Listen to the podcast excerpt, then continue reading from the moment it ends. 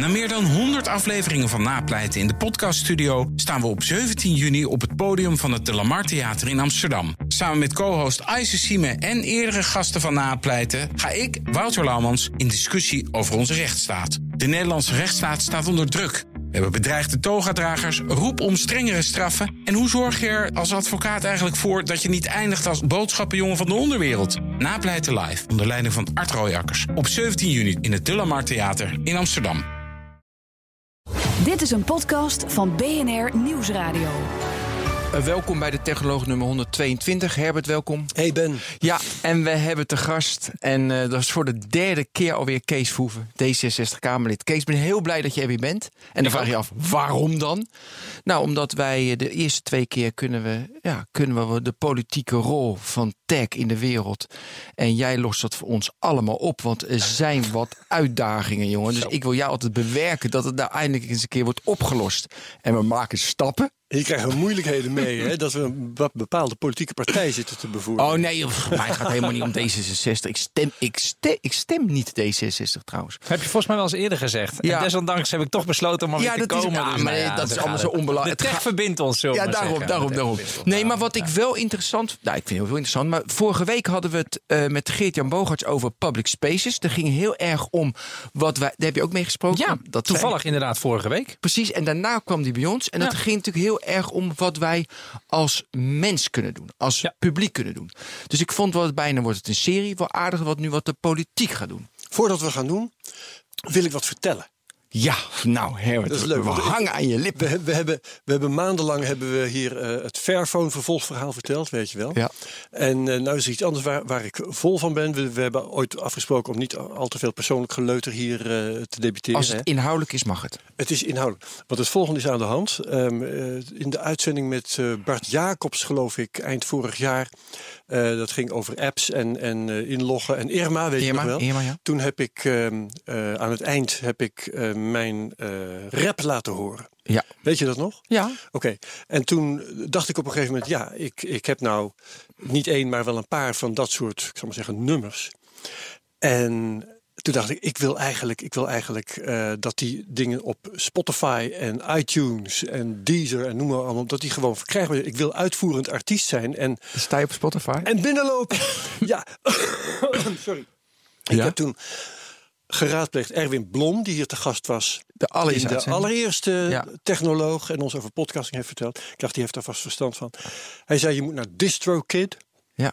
En dat heb ik gedaan. En dan kun je dus één keer kun je, je song aanmelden. En dan komt die op inderdaad Deezer, Spotify, Pandora, iTunes, Apple Music. En het, nou, dat gaat wel... Twintig diensten gaat dat lang zo. Dus ik krijg nu elke paar dagen krijg ik een of andere uh, aanmelding van... hij staat nu ook weer daar. Dus mijn, mijn, eerste song staat nu op Deezer en op Apple Music en op iTunes en op Spotify. En de rest komt nog. Jo, je wordt oude artiest. En als ik de, precies, en als dat allemaal uitge, ja. uitgewoed is, dan, dan zet ik de volgende erop. Nou, je gaat wel door met deze podcast, hè? Ik ga met deze podcast nee, hij wordt, door. Uh, ja. En, en ik... ik uh, bij voorbaat geniet ik er ook van dat ik straks van die afrekeningen ga krijgen waarop staat dat in een jaar lang mijn liedje één keer is afgespeeld en dat ik daarvoor 0,032 cent krijg. Ja, dat is ook mooi. Ja. Nou, dat is aardig, want ik dat heb rapporteer ook, ik allemaal. Ja, dat is ook mooi, want ik sta ook op Spotify met, uh, met een hit die ik ooit heb gemaakt. Ja, ja nu oh, gaan we echt. Ja, Jij deed dat, dat allemaal al eerder. Ja, dat is uh, met René van der Grijp. Leven de lol heet dat nummer uit 1993. Ik schaam me kapot. En ik dacht dat is voor het internettijdperk, dus ik denk dat komt er nooit op. Maar nu staat er dus de op. Geweldig. Een andere platenmaatschappij heeft dat gedaan. Dat, ja, precies. Dus ik krijg ja. helemaal geen royalties. René ook niet. Want joh, dat woord dat zou ook nee, dat schrijf je allemaal zelf. Die 0,032 ja, precies. pakken zij zelf. Ja, uh, Ed niemand heeft dat erop gezet. Maar goed, ik zit dat nu en op Johan te zoeken. Cruijff natuurlijk. En en Johan hoe, hoe, hoe, dat was me weer een Oh jongens. Spotify. Nou, uh, mensen hebben nu 45 seconden door kunnen gaan. We gaan het over de macht. Ja. Kees, jij hebt in, uh, in de derde week van de kerstvakantie, vertelde je me, heb jij een, een nieuw document geschreven. Derde week van Ja. de kerstvakantie? Ja. Kerstvakantie Ja, de Kamer heeft- de- Ja, maar bij, maar bij de Kamer heeft dat drie Nee, ja, man. dat is- Uh, de Techvisie 2.0. Ja, nou, ik heb hem, ik heb hem in die tijd afgeschreven. En ehm, we hebben eigenlijk een jaar lang met best wel veel mensen, eh, ook allemaal jonge D66 mensen die dat leuk vinden, hebben we ehm, op een gegeven moment gezegd, we moeten weer een, een nieuwe techvisie maken. We hadden ooit een techvisie uit 2016, maar die was al eigenlijk heel snel weer achterhaald geraakt. door Ja. Allemaal nieuwe ontwikkelingen. Kunstmatige intelligentie hadden we nog nooit wat over gezegd. Ja. Nou ja, eh, zo'n groot onderwerp, daar moet je wat over zeggen. De macht van die techreuzen. eh, veel meer kansen benutten voor bijvoorbeeld onderwijs en zorg met allerlei nieuwe mogelijkheden. Wat de overheid eigenlijk allemaal eh, zou moeten doen om het onderwerp op een normale manier te behandelen. Want de Ja. Tweede Kamer praat veel te weinig over tech. Dus toen hebben we gezegd, we gaan weer een nieuwe techvisie maken. En eh, nou, daar hebben we het hele jaar 2018 eigenlijk eh, gesprekken en bezoeken, werkbezoeken, allerlei dingen gedaan. En dat heb ik in de derde week toen afgeschreven. In een soort cocon heb ik dat toen allemaal op een rij gezet. En die hebben, die hebben we nu gepubliceerd, een tijd geleden al. En dat, eh, ja, dat, Ja, in dat, februari. gaat over verschillende dingen. Maar dus onder andere over kunstmatige intelligentie. En die macht van, van, die grote, van die grote internetbedrijven. Ja, voor het breken van de macht. Dat, Ja. dat vind ik een mooi onderwerp. Ja, dat is echt een van de hoofdonderwerpen van de, van nieuwe techvisie. Ja. En, eh, we kunnen natuurlijk, eh, kort hebben we vorige week ook gedaan. Ik vind jouw visie ook wel leuk. Waarom vind jij dat ze te veel macht hebben? Dat we dat weer doen. Maar ik vind ook dat breken interessant. En Mhm. Ja. ik wil met. Ik wil met toestemming van Herbert wil ik het over de. Want jij zegt dat kan op vier manieren. De, dus dat is het mededingingsrecht, de privacywetgeving, auteursrecht en belastingheffing. Ja. Dus laten we het ook in die vier Ja. indelen. Dat is Ja. misschien wel aardig. Maar Herbert, wil jij eerst nog even Kees een visie hebben waarom eh, de Big Five of tech te veel macht heeft? Of denk je van, hebben we vorige week Eh, gehad, dat slaan wel, we maar over. Ik, ik wou nog een- één stapje verder terug. Mijn keel doet niet helemaal goed eh, mee, eh, maar maar je hersens wel. dat is nog maar de vraag. Koudje onder de leden, dat is altijd wat moeilijker. Maar, ehm, want dit heet een initiatiefnota, tenminste dat zie ik erboven staan. Ehm, maar het is eh, een, een D66-partijding, eh, begrijp ik nu, als jij, als jij er zo over vertelt. Dus heeft dit nou eigenlijk status in de... Het is geen wetsontwerp, het is geen motie, dat snap ik allemaal wel. Maar het is eigenlijk een soort uit de hand gelopen opiniestuk. Wat, wat is de status ervan Ja, precies? dat is een goede vraag. Ja, nou, we hebben, we, we- de techvisie, dat is echt een D66-document. Dat, dat is gewoon, daar schrijft D66 op wat we willen. De initiatiefnota over de eh mededingen voor techreuzen Ja. Is eigenlijk een politieke vertaling van hoofdstuk 3 uit de techvisie.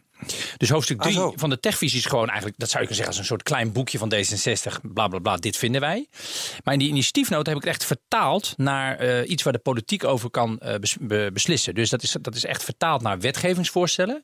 En dat heet een initiatiefnota. En een initiatiefnota behandel je in de Kamer. Ik heb hem dus in, eh, in februari ingediend. Dan gaan alle fracties gaan dan vragen stellen. En SP, GroenLinks en PvdA en CDA die hebben al aangegeven dat ze het steunen. Maar ze willen hier en daar nog wel een paar eh, eh, punten en comma's of, of ideeën of, of, of accenten. En VVD is ook wel positief. Dus het gaat gewoon een meerderheid halen. En een meerderheid gaat dan eigenlijk onze voorstellen overnemen. Dat betekent dus dat we via het mededingingsrecht in Nederland, maar ook waar mogelijk in Europa, eh, echt stappen gaan zetten om die techreuzen ook op het gebied van eerlijke competitie en concurrentie eh, Ja. eh, te dwingen. Dus het is niet een wens van D66. Het is nu echt ook een wens van de Tweede Kamer aan het worden. Ja, en oké. neem ik dan als, als Kamerlid het initiatief toe. Dat, dat kun je, als ieder Kamerlid kan altijd elk initiatief doen. En dat kan via een wet of via een nota. En een nota roept eigenlijk het kabinet op om het tot wet te maken. En als daar steun voor is, moet dat. Oké, helder. Maar het zit eigenlijk al vol in wat jij voorstelde. Hè? Want ik hoor het mededingingsrecht Ja, dat komen. kunnen we daar. Ja, maar ik vind, ik vind ook wel jouw, jouw kijk om dat ze te veel macht hebben. Weet je hoe jij daar naar kijkt? En dat hebben we vorige week ook gedaan. Maar Ja. het is te leuk om daar verschillende perspectieven. Ja, nou, hoe is- jij dat vertelt aan mensen. Nou, het is wel, het is wel iets wat ik. ehm, ik herinner me echt nog heel goed 2011, 2012. Ja, toen was, toen was alles wat Facebook en Google deed, was eigenlijk werd altijd fantastisch genoemd. Eh, fantastische verhalen, fantastische producten, fantastische diensten. En de afgelopen jaren zie je gewoon steeds meer uitwassen. Eh, en, eh, ook de laatste weken, man. Het Nee, echt. maar goed, de laatste weken zijn meer er zijn illustratie van. van je, je kunt Ja. elke week ergens online of zelfs tegenwoordig ook in de krant op televisie. eh, kun je gewoon lezen dat weer data niet goed beschermd is. Of weer gedeeld worden. Of weer zonder dat iemand het weet eh, wat mee gebeurt. Of dat er weer geld verdiend wordt over de rug van patiënten. Of over de rug. Nou. Een aantal dingen zie je. Je ziet dat ze alle macht hebben doordat ze alle data hebben. Mhm. Eh, dat ze te machtig zijn uit zich eigenlijk doordat ze zich nergens meer eh, eh, aan houden. Dus bijvoorbeeld, eh, ze betalen auteurs en kleine makers voor hun, eh, voor hun creativiteit. Betalen ze amper. Ja, die Amazon auteursrechten komen ook Amazon bij, is bijvoorbeeld gewoon eh, een soort monopsonist geworden. Die is gewoon de partij geworden die bepaalt gewoon hoe hoog de boekenprijs is. Ja, en dat zijn alleen nog maar de creatievelingen. Want ook mensen in hun warehouses betalen ze nauwelijks. Precies. En eh, wat je, wat je bijvoorbeeld ook ziet, heel, heel veel personeel bij die bedrijven wordt eigenlijk gewoon heel slecht behandeld. Eh, de, de content eh, mensen die voor Facebook moeten werken, nou, die werken in de meest slechte omstandigheden. Zijn ze weggestopt, dan moeten ze de hele tijd al die nare dingen. Ja, Uber-chauffeurs. Slecht betaald, Uber-chauffeurs, mensen inderdaad in de magazijnen bij, bij Amazon worden slecht behandeld. Dus Medewerkers worden slecht behandeld. Dat is een, dat is een duidelijk teken wat echt Ja. verkeerd is. Mensen die iets creatiefs gemaakt hebben en waar de platforms het distributiekanaal voor zijn, worden slecht behandeld. Hey. Neem het voorbeeld van onze grote kunstenaar Herbert, die, die, ja. die maar 0,032 eh, cent krijgt voor zijn. eh, en, en mijn ja, auteursrechten die ben ik al kwijt, hè? die ben je al Die kwijt. is gewoon Ja. afgegeven. Jij bent gewoon stom geweest. Ja, Je echt Nou, privacy schendingen is ook een. Ik bedoel, ja. Allerlei eh, privacy schendingen voortdurend, eh, eh, die, die, die eigenlijk ook niet opgelost worden of serieus genomen worden. Het ontlopen van belasting. Gewoon trucs uithalen om geen belasting te hoeven Dat betalen over je winst.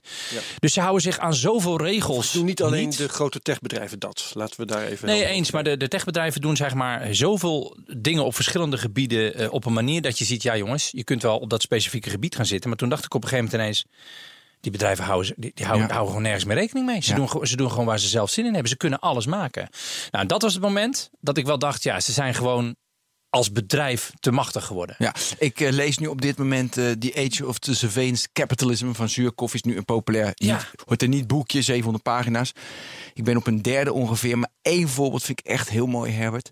Dat bijvoorbeeld met, eh, met Pokémon is het natuurlijk slimmer om mensen naar een Burger King, dat je daar Pikachu kan pakken, dan bij een gemeentehuis. Ja. Ja. Dus ze sturen mensen naar waardoor de meeste omzet is. Dus wij, Ja, ja. dat Daar wordt ook voor betaald, toch? en er wordt voor betaald. Tuurlijk, En dat, weet je, dat sturen van. Dat vind ik allemaal van zulke mooie Ja, voorbeelden. en het sturen Interessante is voorbeelden. onzichtbaar. Ja. Eh, algoritmes natuurlijk. Hè? Ja. Eh, allerlei ongelooflijk slimme, op de menselijke biologie inspelende systemen. eh, die door die bedrijven op een topniveau ontwikkeld worden. Die worden gewoon ingezet om ons allerlei gedrag te laten vertonen. waar zij rijker van worden en wij slechter van worden. En het is, het is onzichtbaar omdat het via die digitale kanalen gaat. Dus je ziet het niet. En ja, dat moet blootgelegd worden, dat moet helder zijn. Mensen moeten weten dat ze gestuurd worden. Mensen moeten weten dat die bedrijven geld verdienen aan al die data die verzameld worden. Eh, en dat weten alle mensen niet. En nu begint het langzamerhand een beetje eh, duidelijk te worden. Maar dat is echt iets van de laatste jaren. En die bedrijven zijn gewoon te machtig. En als iets te machtig wordt, dan gaat het zich altijd misdragen. En dan moet de politiek, eh, of de samenleving, maar in Nederland is dat dus ook Ja. de politiek, moet dan opstaan. Ja, Wat wel een hele spannende. Als jij dit te vroeg vindt, Ben, dan moet je het zeggen. Maar wat ik mij onmiddellijk afvraag, je hebt het nu over Amerikaanse bedrijven. Ja. Ook Chinese bedrijven overigens. hoor. Chinese bedrijven Alibaba is natuurlijk net zo goed. ja, je hebt een heel mooi lijstje Maar weer van toevallig, top 20. 20, eh, waar Ja. nul Europees. Toevallig ja. betrekkelijk weinig Europese bedrijven inderdaad. Nul, hè, tegenwoordig zelfs. Nul, ja. Ja. En daar wil je dan wat aan doen met mededingingsrecht. Eh, eh, ergens in jullie eh, visie zie ik ook het woord opsplitsen staan, Ja. geloof ik. En eh, hoe dacht je dat te gaan doen? Dacht je hier vanuit Europa Amerikaanse bedrijven te kunnen laten opsplitsen? Of wil je alleen Ja. in Europa ze laten? Dat, dat Ja, Kees, Nou, die- hoe ga jij dat doen? Ja, Spannende- terechte vraag. maar we beginnen gewoon met mededingen. Dat vind ik wel goed, want Ja. we hebben de vierde. Kunnen we Ja. hiermee beginnen? Oké, dat was het trouwens. Ehm, kijk, dat, dat was, dit was de vraag die ik van de meeste mensen gelijk kreeg. Dat ik zeg van die bedrijven zijn te wachten, daar is, daar is iedereen het wel mee eens. En als je dan zegt van nou, je zou, eh, je zou ze moeten aanpakken door eh mededingingsregels, eerlijke competitieregels te maken. Dan zeggen ze, ja, maar hoe ga je dat dan doen? Ja. Nou, je kunt bijvoorbeeld zeggen, eh, bij fusies en overnames kun je zeggen, nou, je mag niet zomaar een bedrijf overnemen op basis van het feit dat je daarmee je datamacht weer verder vergroot. Dus je kunt in ieder geval als, als Europese eh, eh, wetgever kun je gewoon zeggen, je mag een bepaalde bedrijf niet overnemen. Maar het zijn Amerikaanse bedrijven, dus dat maakt het lastig. Maar wat we natuurlijk altijd kunnen doen, Europa is een markt. Gewoon een markt met regels. En wij bepalen als Europa, de Europese politici, Nederland, Duitsland zijn daar heel belangrijke landen in. Wij bepalen de regels waaraan eh, bedrijven moeten voldoen. Als Volkswagen sjoemelt met, met, met uitlaatcijfers, dan zeggen wij. Eh, ho, ho, dat mag niet. Als eh, Chinese bedrijven eh, IoT-apparaten hier naartoe sturen zonder dat ze veilig zijn, dan kunnen wij gewoon zeggen als Europa, die willen we onze markt niet op hebben. Dat kan ook digitaal. En dan zegt iedereen, ja, maar wil je dan het internet afsluiten voor Nee, Europa, nee, nee, Kees? nee, maar mededingen Wij gaat het bepalen, ja, worden maar goed, je moet het, dus digitaal natuurlijk. Dus het, hoe bepaal je dan dat, dat het wel of niet gebruikt mag worden? Daar zit natuurlijk een digitale component in. En dan denken mensen, ja, je wil het internet in Europa gaan afsluiten. Nou ja, als, als Facebook zich niet aan de Europese mededingingsregels geeft, dan zullen we als Europa moeten zorgen dat, dat Facebook niet meer naar onze consumenten toe kan. Dus Hm. dat is wat we dan wel gaan doen. En, eh, ja, en als je de macht hebt om dat te doen, Dan zal Dan- Facebook ook luisteren. zullen ze luisteren. En dan hoef je het dus niet Nee, te maar doen. Dat is we- vaak zo. We gaan niet. Dus je zegt Facebook dat Facebook niet meer in Europa zijn diensten mag aanbieden. als Facebook herhaaldelijk eh na allerlei waarschuwingen en boetes eh, zich niet houdt aan de Europese mededingingsregels, bijvoorbeeld die zegt van nou je mag niet zoveel eh, procent aandeel hebben op een bepaald eh, gebied, hè, een bepaalde markt, en ze blijven dat aan hun laars lappen, Ja, dan zul je op een gegeven moment moeten zeggen als overheid... ja, maar luister eens even, jullie houden je voortdurend niet aan onze regels. Dan gaan wij daar consequenties aan verbinden. En dat betekent het uiteindelijk dat je ze van de markt weer... Ja, dat gaat nooit gebeuren. Nee, want maar wat ik Oké, dus zeg, maar, maar dan zeg jij eigenlijk, Ben, dan zeg je precies hetzelfde. Nou wordt het interessant, dan zeg je precies hetzelfde. Eh, eh, denk, denk eens even aan het leuke je boekje van, eh, hoe heet die schrijver, ehm, eh, van, van, die ook NSC-column, Kuitenbrouwer. Ja. Heb je dat Het is hier geweest, Jan Kuitbouw. Ja, ja, ja, is hier Echt een leuk boekje. Ja, hebben we gelezen. Ik heb met hem herhaaldelijk in zaaltjes gestaan om, om zijn boek. eh, Hij had, er- ik, er moest een politicus bij de schrijver in het panel, dus dan Ja, mocht ik komen. leuk. En dan ging Ja. het hier. En weet je, die heeft een mooie presentatie gemaakt bij zijn boekpresentatie. Gaat over de Chinese internetzaar die, eruit, eh, die erin geslaagd is om wel die, die pudding, hè, het internet, die pudding tegen de muur te spijkeren. El Gore, dat is het verhaal van, van, van eh Kuitenbrouw, die zegt: El Gore die zei: Je kunt het internet nooit reguleren. Dat Ja. kan niet. Precies wat jij nu ook Ja, ja, zegt. Dat ja. gaat nooit gebeuren. China doet Maar- het gewoon. Dan zeg je, ja, maar wil je net als China worden? Nee, dat willen we niet. We zijn voor een open en vrij internet. Maar als bedrijven zich niet aan de wet houden en daar het internet voor gebruiken... en Europa vindt dat ze zich niet aan de afspraak houden... dan moet je wel Het is ingrijpen. leuk, hè? Want analisten... Maar nou, het is niet makkelijk. Nee, ik, nu, misschien maak ik een te verre stap, maar ik doe het heel even. Toen die ehm, de auteurswet, eh, weet je, nummer 13, Ja, dat is, die- dat is ja. natuurlijk twee weken geleden. Ja, uploadfilter Ja, en de, de die- link-tax. Ja. Maar daar komen we zo op hoor. Ja. Eh, maar even terug, de, dus de commentaren in Amerika waren natuurlijk heel erg. Hey, nu hebben we een, een autocratisch Chinees internet. Nu hebben we het vrije internet in Amerika. Ja, en dat Europese gekke internet hebben we drie soorten internet. Dus Ja. weet je, je krijgt Je kunt, het- dan hebben mensen het over de balkanisering van het internet. En eh, bijvoorbeeld de WRR, hè, dat is een adviesorgaan van de, van de overheid. topinstituut. Die hebben vier, vijf jaar geleden al gezegd securitization. Hè? Dus landen gaan steeds met internet zodanig beheren en controleren om hun Mhm. veiligheidsdoelen te benaderen. Dus er zijn gevaren van het reguleren van het internet.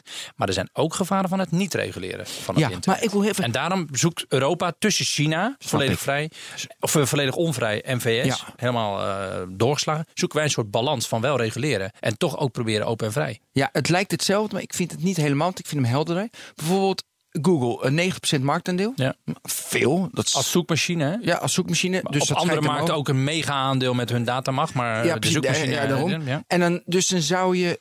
Ja, dat kan ik niet geloven. Dat als, ze krijgen heel veel boetes nu, maar op andere gronden, Ja. op andere dingen die ze dan zeg maar niet mogen. Ja, dat is koppelverkoop en dat soort dingen. Onder andere Ja. en die dat doorlinken. Nou, Ja. En dan hebben ze bijvoorbeeld straks, mogen ze maps, moeten ze dan van jullie Op eruit. eruit, maps eruit, e-mail eruit. Ja.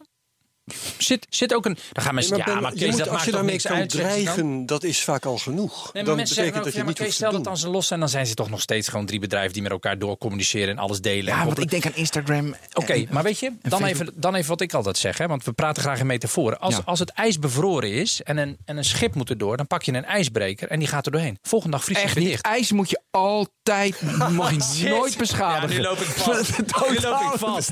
Dat is echt een totaal de verkeerde koning analogie. van de metafoor Dat is echt, nee, En dan loop ik, Nee, dan loop ik in mijn eigen valkuil. Nee, maar snap je, soms moet je iets doen waarvan je weet dat het uiteindelijk wel weer gecompenseerd kan worden door slim gedrag van, van het bedrijf. Maar je moet als overheid wel je grenzen aangeven en ook wel Ja. een rem zetten op die macht. En dat dat een beetje onorthodox is, zoals ik bijvoorbeeld voorstel.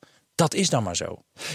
Nog even door op die mening. Hm. hè? Want je zegt dus in het. Dus zeg maar, dan krijg je toch nooit Europees door. Dat, dat duurt jaren. Zeker. Of- Oh, maar dat, is dat dan een reden om het maar niet te Nee, doen? nee, nee, nee, zeker, maar- Dus ik begin nu aan een, aan een lange tocht door de woestijn. Ik heb, ik heb goed gedronken en heb goed gegeten. En nu begin ik door die tocht door de woestijn. In Duitsland heb je het Bundeskartellamt. Dat is een toezichthouder die veel sterker is dan de Nederlandse toezichthouders als het gaat om internetcontrole. Die hebben de mededingingswet al aangepast. En die hebben bijvoorbeeld ook al echt forse stappen gezet om Facebook aan te spreken op hun WhatsApp en, eh, en Instagram eh, koppelingen. En daar waren ze echt wel van geschrokken hoor, Facebook. Ja. Facebook was echt wel geschrokken. De menselijke positie ten opzichte van die bedrijven hier in Europa begint echt te veranderen. Ook in Amerika zeggen ze, er zou eigenlijk een soort AVG, een soort Europese privacywet in Amerika zou er ook moeten komen. Zelfs Steeds meer stemmen. er om. Zuckerberg heeft vorige week om regels gevraagd, omdat hij inziet dat zonder regels hij de verantwoordelijkheid krijgt die hij niet kan nemen. Het is echt aan het veranderen. Ja, maar wacht. dus, dus laten we niet te. def- Ik, weet je wat ik een mooie term vind? Nou, Uh, technologiedeterminisme. Zo van, nou, technologie, nee, dat kun je niet controleren. Technologie is nou eenmaal, dat ontwikkelt zich en daar kunnen politici niks mee. Nee. Politici hebben in het verleden altijd technologie bijgestuurd. De kansen moeten worden benut, maar de uitwassen moeten worden bestreden. ja. Eh, maar ja, nou, ik kan doorgaan. Want bijvoorbeeld wat Mark Zuckerberg zei dat hij, de- dat hij regulering wilde. Hè? Hij, wil, hij wilde bijvoorbeeld privacy, daar moeten we Ja. zo opkomen, zoals in Europa. Maar weet je wie het meest, want ik zag een lijstje, een lijstje van wie het meest geprofiteerd heeft van die hele GDPR. Dat is dus Google en Facebook. Dus alle kleine adverteerders, alle kleinere mediapartijen, ja, die, die hebben niet het hele, het hele internet tussen aanhalingstekens. Dus die zijn allemaal gedaald. En het marktaandeel in advertising van Google en Facebook is, is gewoon. Dat, dat is ge- gepubliceerd met trackers van Ghostery. Dus die hadden een lijstje. Dus van, weet je, dus de trackers op andere sites zijn allemaal weg. Maar ja, bij Facebook en. Google, die kunnen het wel bijhouden. ja. Dus het is helemaal niet zo gek dat, dat, dat nu Zuckerberg, want dan heeft hij weer een wit voetje haalt hij. Dat hij zegt van Heb ik kijk ook, eens ik wat heb, mooi. eh, ik heb, een- nou, het was voor een dag of drie geleden moest ik bij BNR reageren. eh, in ja, ik hoorde het. Ik heb het gehoord. Live heb ik jou bij gehoord. Bas van Werven, hè, die, Ja. die presenteert dat. En eh, nou ja, een beetje, beetje ook die. Toen heb ik ook gezegd van ja, le- leuk dat je om regels vraagt. Nadat je eerst tien jaar lang eigenlijk, of vijftien jaar lang, bijna alle regels ontlopen hebt. Zo de grootste bent geworden. En nu zegt nou, nu moeten we voor iedereen regels die voor mij eigenlijk best wel gunstig kunnen uitpakken. Ja. Daarmee heb ik ook gezegd, nou dan ook graag die mededingingsregels van ons. Dus niet alleen een beetje privacy en een beetje auteurs. Nee, maar dan ook echt vol die mededingingsregels. Ja, daar zal hij natuurlijk nooit voor zijn. Ik hoor ook geluiden dat, dat hier in, in Nederland en Europa ze ook best wel eh, bezorgd zijn over het feit dat er steeds meer politici zijn die zeggen we moeten ze ook echt gewoon aanpakken op hun economische marktmacht en hun monopoliepositie. Dat willen Facebook en Google natuurlijk nooit. Nee. Maar het moet wel er gebeuren. is wel dus een- anders gebeurt er namelijk wat jij, wat jij zegt. Dan gaan andere regels, eh, regels op het, op het, eh, ja, op het gebied van, de- van, van een beetje de, de, de, de problemen die ze veroorzaken omdat ze te machtig zijn. Die gaan in hun voordeel werken. Terwijl hun eigen echte macht blijft gewoon voortbestaan. Ja, nog wordt het groter daardoor. En Dan ben je symptomen aan het bestrijden, gebied, maar dan wordt de ziekte alleen maar erger. zo- Ja. Zonder dat je het door hebt. Er is een geschiedenis op dit gebied, want eh, ik denk dat twintig jaar geleden dat we ook niet gedacht zouden hebben dat dit soort bedrijven megaboetes zouden krijgen die tot in de miljarden lopen. Ja. Nou, Microsoft heeft ze gehad, Google heeft ze gehad, een heel behoorlijk wel dat ze aantal. daar de champagnekurk weer ontpoppen. op Dat, dat er miljardenboetes uitgedeeld. Dan denkt Europa, hoele hoele, wij zijn zo sterk bezig. Maar zij denken, nou, we hebben weer drie, vier jaar het boel vertraagd. We hebben nu 2 miljard betaald. Dus ze laten ons nu wel weer drie jaar met rust.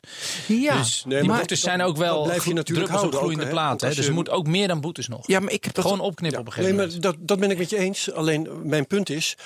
Eh, dat van die boetes, dat zou je ook met de argumentatie van Ben, zou je dat twintig jaar geleden niet eens geprobeerd Mhm. Nee, hebben. heb je- dat- en waar. dat bastion is genomen. Ja. Ik dacht dat ik het op had geschreven, heb ik niet gedaan. Maar omdat die boetes ook vorige week aan de orde kwamen, dacht ik, ik zoek dat nog op.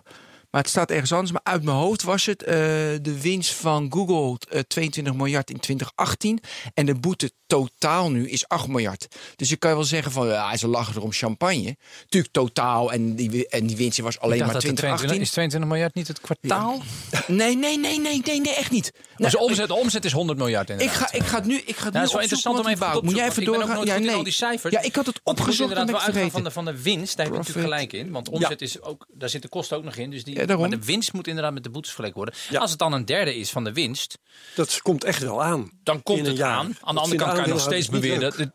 Dat, zeker, maar je kan nog steeds wel zeggen dat dan gewoon een verdienmodel is. Dat je zegt, nou we gaan gewoon allemaal eh, dingen doen waar we boetes voor krijgen. Verdienen we heel geld mee. En die boetes die taxeren we in. In, in de boardroom kan precies, daar kan gewoon kan uitgerekend worden. eh, als we business as usual, als we op deze manier doorgaan, eh, krijgen we zoveel boetes, maken we zoveel winst. Eh, komt dat goed uit? Ja, komt goed uit. Gaan we door. Dat, dat kan de redenatie zijn. Ja. Maar dat kunnen we ook weer niet bewijzen dat het zo gaat natuurlijk. Dus dat is wel nou, heel cynisch we kunnen blik op die bedrijven. Ik denk niet dat je dat hoeft te bewijzen, want er wordt natuurlijk gewoon gekeken naar de bottom line. En, en als je met een boete, eh, dankzij eh, het accepteren van een boete, je normale business kunt blijven Ja. doen en per saldo positief uitkomt, dan denk ik dat een rationeel Ja. bedrijf dat blijft doen. Nou, dat vind ik ook het beetje het, het, het meest lastige voor politici. Ze kunnen zo snel weer nieuwe verdienmodellen bedenken. Op basis van die data die ze hebben, die algoritmes die ze ontwikkelen.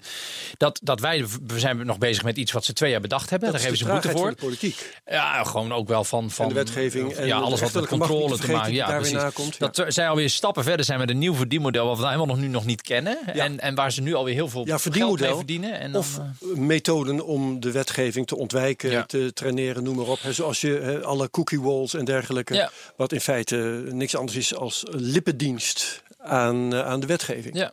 Nou, dat is, heb ik ooit wel eens gezegd, volgens mij, dat dat ook wel een voorbeeld was waar ik weer heel veel van geleerd heb. Dat de cookiewet natuurlijk een terechte wet was die wel heel slecht uitpakte. Dat was niet het goede middel om die bedrijven terug te dringen. Ik heb een 40 miljard winst in 2018. En, eh, en 8 miljard hebben ze totaal nu boetes. Dat was wat maar ik... over 2018 of in totaal? Nee, in totaal in Ja. 2018. Maar ze hadden bijvoorbeeld, ja, precies, want ze hadden in 2017 hadden ze natuurlijk ook een eh, winst van, was een increase van 21% Dus weet je, dus ze hebben natuurlijk, maar goed, goed ik Jawel. dacht, we kunnen het niet helemaal. Het zijn niet, het zijn niet procenten, het zijn wel tientallen procenten. dus het op gaat, het, dat is redelijk. Ja. Oké, waar zijn we nu? We, zijn, we waren bij Nou, de boetes, mededinging. mededinging. Ja, en we daar nu, want ik vind hem echt heel erg kort door de bocht. Dus dat, het blijft, ik ben, ik ben hier niet tevreden over. Niet dat ik denk van, fijn. Nee, ik, ik, zie, ik zie nog steeds niet voor me hoe je een Amerikaans bedrijf kunt, eh, Nee, kunt ook opsplitsen. Ik- vanuit Europa. vind hem zo lastig. Nou ja, Dus daar- daar ik- begon mijn vraag Ik, ik mee. zou dan eigenlijk, om het dan, laten we het dan nog ietsje uitdiepen als jullie het willen. Ja, graag. Dan wil ik jullie één wedervraag stellen. Waarom zou het dan niet kunnen? Waarom kan het bij fysieke bedrijven kunnen we wel eisen stellen? En kunnen we wel zeggen we willen jullie producten niet? En waarom zou dat bij digitale producten en Nee, diensten je niet kunt kunnen? wel eisen stellen, maar je kunt niet opsplitsen, volgens mij. Je kunt ze wel weren van de markt, je kunt ze dwingen om eh, aan allerlei regels te voldoen. Maar je kunt niet zeggen, eh, in Europa moet Facebook opeens twee entiteiten zijn. Zeker niet als je weet dat ze dat in Amerika niet zullen doen. Nee, oké, maar dan, dan stuit je dus volgens jullie op, de, op, de, op de mondiale, het mondiale karakter van het internet. En dat je dus altijd gewoon naar de Amerikaanse variant zou kunnen gaan enzovoort. Dat zal dan, ik denk dan dat het zo uitpakt dat het een langdurig schaakspel wordt tussen wat Europa kan doen om Facebook wel of Google wel in het gareel te krijgen. En eh, Facebook en Google en, en, en allerlei eh, consumenten die dan toch weer de stap maken naar de, naar de Amerikaanse eh, locatie eh, voor die diensten. Dan wordt dat een, een, een lange strijd. Maar je zult uiteindelijk zien dat er toch wegen gevonden gaan worden om dan ook als Europese overheid stappen te kunnen zetten om daar, daar Ja, maar dat, te dat geloof ik eh, ook wel. Ik geloof En die niet strijd zelf zal ook een dynamiek met zich meenemen. Die weer de, de, de, het idee van mensen, en dat wordt Mhm. vaak vergeten. Ben. Misschien is dat de ontbrekende schakel in, in, jou, in jouw gevoel van we hebben het ja. goed gedaan. Als een overheid langdurig strijdt tegen een bepaald uitwas, waarvan steeds meer mensen zien, ja, dat is wel een heel machtig bedrijf, wat heel veel dingen eh, doet die eigenlijk niet in haak zijn, dan gaat er ook iets veranderen in de hoofden van de mensen. Nou, maar daar wil ik... De, de, eens. Maar kijk, op we, dit hebben als, moment... als- we hebben als Tweede Kamer krijgen we heel vaak door. Ja, jullie zeggen alleen maar wat over die eh, schandalige bonussen van ING, maar jullie, jullie doen er niks aan. Als de Tweede Kamer echt vindt dat het niet oké is en dat breed gedragen wordt, dan trekt ING die bonus in. En dat geldt ook voor Facebook. Politici moeten soms ook een morele oproep doen. Mhm. Daar moet wel serieus instrumentarium bij. Dat, dat heb ik ook echt verkend, hè, op het Mhm. mededingingsgebied. Maar ik vind wel, de mededingingswet geldt ook voor digitale bedrijven. Ja. Dus je kunt niet zeggen, nou, mededingingsregels gelden alleen voor fysieke bedrijven, want die kunnen we dan fysiek wel duidelijker Met aanpakken. Met je in vestigingen in Europa Europa. in Europa Ja. gevestigd, want daar gaat het ook Nee, om. maar ook, het gaat ook om distributiekanaal. Kijk, als een Chinees bedrijf iets maakt en dat moet hier naartoe met een schip, Ja, maar dat is dan een kunnen wij bij de haven zeggen: ho. Maar dat is een en internet heeft natuurlijk niet echt een haven. Hoewel je Ja. natuurlijk toch ook wel, in zekere zin, is het internet ook gewoon een fysiek distributiekanaal. Ja, maar kijk, dat er komt wat... wat Maar daar zit wel de, de, ja, maar inherent aan de digitale wereld is natuurlijk de winner takes all. Ja. Dus de, dat fysieke product uit eh, China, bij die boot die aankomt, je weert hem, want er is een alternatief. Ja, maar dat moet er dus ook komen. Ja, maar dat, i- eh, gewoon, het is er niet. Nee, maar dan moet je dat komt omdat Europa er niet in slaagt om voor start-ups en nieuwe bedrijven een goede grote in één keer 400 man, 400 miljoen eh, consumenten binnenhalen markt is. We zijn een Ja, maar, als ga, iets ja, maar ga je dat is- faciliteren dan? Nou, we zijn natuurlijk we zijn ook bezig met die hele digitale interne markt van Europa. Veel meer eh, één geheel maken in plaats van 28 landjes met allemaal pakketverzorgings, BTW, eh dingenregels. Maar dat moet ook. Ja, het is een enorm Ja, lange ja, weg. Ik noem het niet voor niks een weg door de woestijn. Maar het zijn wel allemaal stappen die naast elkaar gezet moeten worden, maar die uiteindelijk kunnen leiden tot het feit dat je ook alter- alternatieven in Europa hebt. Ja, want, want ik denk dat dat een van de problemen is. Want kijk, nu is Facebook voor heel veel mensen te belangrijk. Of Ja, Instagram, of Zuckerberg Google. zegt: Ik ben een nutsbedrijf. Ja, Nou, dan denk ik, Amahula, je bent een nutsbedrijf met, met een enorme cash, eh, cashflow aan winst. En een nutsbedrijf is over het algemeen gewoon een dienst met een klein beetje buffer en verder niet. Dus als hij een nutsbedrijf is, dan kunnen we het ook nationaliseren, denk ik dan. Nou, dat is niet de weg die ik op wil. Ik wil dat het gewoon een markt, marktbedrijf is, maar wel wat, eh, wat aan regels gebonden is. Maar Zuckerberg zegt, ja, ik ben, ik ben een nutsbedrijf. Ja, dat is wat heel veel mensen ook zeggen. Maar ook dat zie je veranderen, Ben. Hoe weet je hoeveel mensen in Nederland er van, van Facebook afgegaan zijn de afgelopen jaar? 245.000. Nou, vind ik ook best wel veel. Ja, is veel. En ik zit, niet, En toevallig ik, ik, net ik zit er ook zelf niet meer op. Ja, maar dat wou ik eigenlijk meer aan. al gaan zeggen. Ehm, dit is een probleem dat waarschijnlijk tegen de tijd dat jij met fatsoenlijke effectieve wetgeving komt, al lang geen probleem meer is. Zie Microsoft. Dat is denk ik een, dat is een risico. Of nou eigenlijk is een kans. Want waarom zou ik degene moeten zijn die het oplost? Ehm, nee, eh, het is grappig dat je het nou opeens een kans noemt. Eh, wat, wat ik eigenlijk zeg is. Dat heet omdenken. dat wilden dat we heet niet. omdenken. Het is belangrijker dat het probleem wordt opgelost dan dat ik degene ben die het oplost. Ja, Dat zeker. ik Te zeggen. Maar eh, ik, ik noem het geen kans, omdat ik eigenlijk beweer dat als je gewoon niks doet, gaat het vanzelf over. Ja, maar dat niks doen wordt dan altijd eh, terug, de- terugkijkend wordt dan gezegd niks gedaan. Als heel veel politici en heel veel mensen voortdurend aangeven er is iets mis met dit bedrijf, het klopt niet, het is niet in de haak, dan is er natuurlijk wel iets gebeurd. Ja, eh, dan gaan gaan mensen daar misschien op En reageren. ik, heb, ik vind dat ik in de, in de positie. Ik, ik- ja, een klein Kamerlidje uit, uit van een middelgroot partijtje uit een middelgroot landje. dat stelt niks voor, joh. Jongen, houd toch op. zeg. Jongen. Nou, ik heb daar gewoon. Ik heb me ingelezen. Ik heb een verantwoordelijkheid als, als een wetgever in, in Nederland, hè, want ik ben mede-wetgever. Om te doen wat ik kan om dit probleem, wat ik een van de belangrijke problemen op dit moment, om daar, om daar aan bij te dragen. En daar heb ik dan ongeveer, nou ja, wat is het, 60 uur in de week voor om daar wat mee te doen. Nou, dat is wat ik dan doe. Ik kan ook niks doen en zeggen, ja, het is allemaal te groot. Ja, dan ga ik dus alleen maar kleine probleempjes oplossen. En dan krijgen we de politiek die we niet willen. Namelijk de politiek die alleen maar kleine probleempjes oplost. Dus ja, het is een beetje het is een afweging tussen wat je moet doen als Kamerlid. En ik heb gewoon zoiets van, ik doe dit gewoon. Maar als ik, als ik op, bij de streep kom en het is al lang opgelost, nou, dan, dan vind ik niet dat mijn leven mislukt is. Nee, Ja, heel goed. Oké. Oké. En heb ik toch wel mooi bij jullie eh, de podcast gezeten om hierover te Nou praten. ja, Kijk, dan is je leven toch echt zinvol geweest. Dat zou ik wel zeggen. Maar ik, vind- ik, we gaan zo door, maar ik wil nog ik wil één dingetje. Eh, want dan zeg je van in social media is dan het marktaandeel van Facebook, Instagram 80%. Die marktdruk, ja, ik, vind, ik blijf hem lastig vinden. Nou, ik kom er niet uit. Wat is je probleem? Nou, omdat ik. Ik kan me niet. Er moet inderdaad dan alternatieven zijn. Wat dus bij die fysieke goederen wel is. En omdat winner takes all zijn er geen alternatieven. Dus dan ga je, het helemaal, ga je het helemaal verbieden. En dan krijg je opstand binnen de bevolking. Want kijk, nu gaat 245.000 mensen van Facebook Ja. af in 2018. Maar dan komen ze met Instagram. En dan komen ze met een andere. Ja, want ze, nee, maar bijvoorbeeld- zoveel data. Zij zorgen. Maar, maar Instagram is wel mooi, hè? want er is echt een, een, een duidelijke verschuiving van Facebook naar Instagram gaande. En nou is Instagram van Facebook, dus Facebook leidt daar niet aan. Maar als we nou hadden voorkomen, Precies. Als we nou gewoon hadden kunnen voorkomen dat Instagram opgekocht werd door Facebook, Dat is dan het. zou het echt al een mega verandering zijn. Want dan zou namelijk Facebook macht verliezen, Ja. winst verliezen, macht En dan zou Instagram populairder ja, worden. maar dat had je niet kunnen voorkomen. Want het is een Amerikaans bedrijf. Nou, je kan natuurlijk. Je kunt je de vraag stellen of Europa eisen mag stellen die ervoor zorgen dat een bedrijf met zoveel macht in Europa, bekeken langs de Europese schaal, Ja. Die diensten mag aanbieden. Volgens mij Ja. kan dat wel. Volgens mij Het kun kan, maar dan zeg je dus, wat ik net ook al zei, je mag die dienst niet meer aanbieden. En dan zeg jij, Oh, dan ja, komen ja. ze in opstand. Dus ik snap jouw probleem wel. Nou, Maar misschien moeten we dan wachten totdat ze in opstand komen tegen Facebook, omdat ze al die bedrijven opkopen en er nooit meer nieuwe diensten komen. Kijk, mensen weten ook niet wat er niet komt, omdat al die concurrenten worden opgekocht. Facebook zegt, we doen zoveel aan innovatie. Oké, maar ik geef ze je dan een ander voorbeeld. innovatie ook op. Ja, maar dan geef ik een ander voorbeeld eh, van twee weken geleden. Nee, ik doe het uit mijn hoofd, dus die naam weet ik niet meer. McDonald's, die naam weet ik wel, maar die koopt een databedrijf op van 300 miljoen. Wie doet dat? Hoe het McDonald's. De hamburger. De hamburgerketen koopt een databedrijf en dat, daar betalen ze 300 miljoen voor. Ja, ik vind ja logisch, want ieder bedrijf is, moet een techbedrijf zijn. Ja, dus logisch dat ze, ze, ja. moeten expertise hebben. Maar goed, ik zie gelijk ook. De, ik had net over Pokémon naar de Burger King. Ja, en dan ga je toch wel echt naar McDonald's en niet naar de Burger King. Ja. Dus eh, we gaan mij weer zo brainwashen dat ik alleen nog maar hamburgers ga eten. Ik zie een potentieel gevaar. En die zeggen ja, in de vrije eh, markt, markteconomie top. Maar over tien jaar kom jij hier huilend binnen en je zegt van het gaat helemaal mis, want mensen worden dikker. Ik, ik neem even een scenario ja, ja. Wat, wat je nu al kan zien, zoals Ja. je ook kon zien toen Instagram Ja, werd gekocht door Facebook. ja. ja, maar- ja, ik vind. Dus Maar jij hebt een beetje het gevoel dat er eigenlijk niks tegen te doen is. Ja, ik ben, ik, nou, maar daarom heb ik je ook Dat is een- uitgenodigd. dat is een want ik beetje- wil. dat is wel, ik vind het niet Fatalistisch, helemaal... hè? Ja. Ja, ik Vind ik weet wel, het, maar ja. daarmee, ik wil ge- gescherpt worden. Zullen we naar een andere gaan? Ja. Eh, zullen we die, eh, want een tweede is om de macht te breken. We hebben al een beetje aange... de- is de, de tweede, we moeten er nog drie doen. Is de, pri- is de privacywetgeving. En ik gaf net... Oh, dit was de langste, denk ik, toch? Ja, die was, want daar... Deze- nee, maar deze, die, hier, hier ga je verder mee. De- want, want, want de privacy hebben we eigenlijk al een beetje gehad. Ja, dat is door de. AVG. AVG. Er komt nog e-privacy, hè? Dus de, de, je hebt de AVG.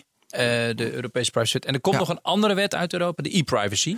En die kan er nog voor zorgen. Ja, vertel hem even aan de mensen. Ja. Nou, wat, wat, wat e-privacy nog zou kunnen doen, is dat je kan surfen zonder dat je ge- gedwongen wordt om te accepteren dat je gevolgd wordt. Dat zou nog een stap, dat zou een stap zijn die D66 graag in e-privacy zou willen. Maar het is een Europese wet, dus D66 moet dat via de, onze Europees parlement mensen Heel moeten heel veel mensen doen. Maar dus de e-privacy is nog een tweede wet die nog verder gaat dan de, dan de al bestaande eh, Europese privacywet AVG.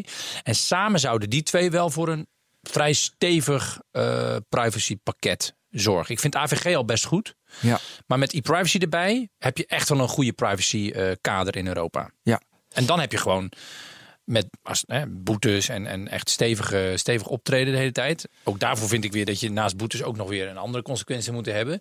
Maar die privacyregels zijn wel echt goed. En die maken mensen ook veel sterker om eh, veel meer grip op hun data te houden. Ja, en hoe zie jij dan dat die privacyregels de macht van de grote uh, machtshebbers, de databedrijven, uh, opknipt en dat, dat, dat, zodat ze minder macht krijgen? Nou, kijk, dat is omdat ik, ik, je zie, ik zie die techbedrijven als veelkoppige monsters. Eén kop is privacy, een andere kop is belastingontlopen, een andere kop is auteursrecht, een andere kop dit.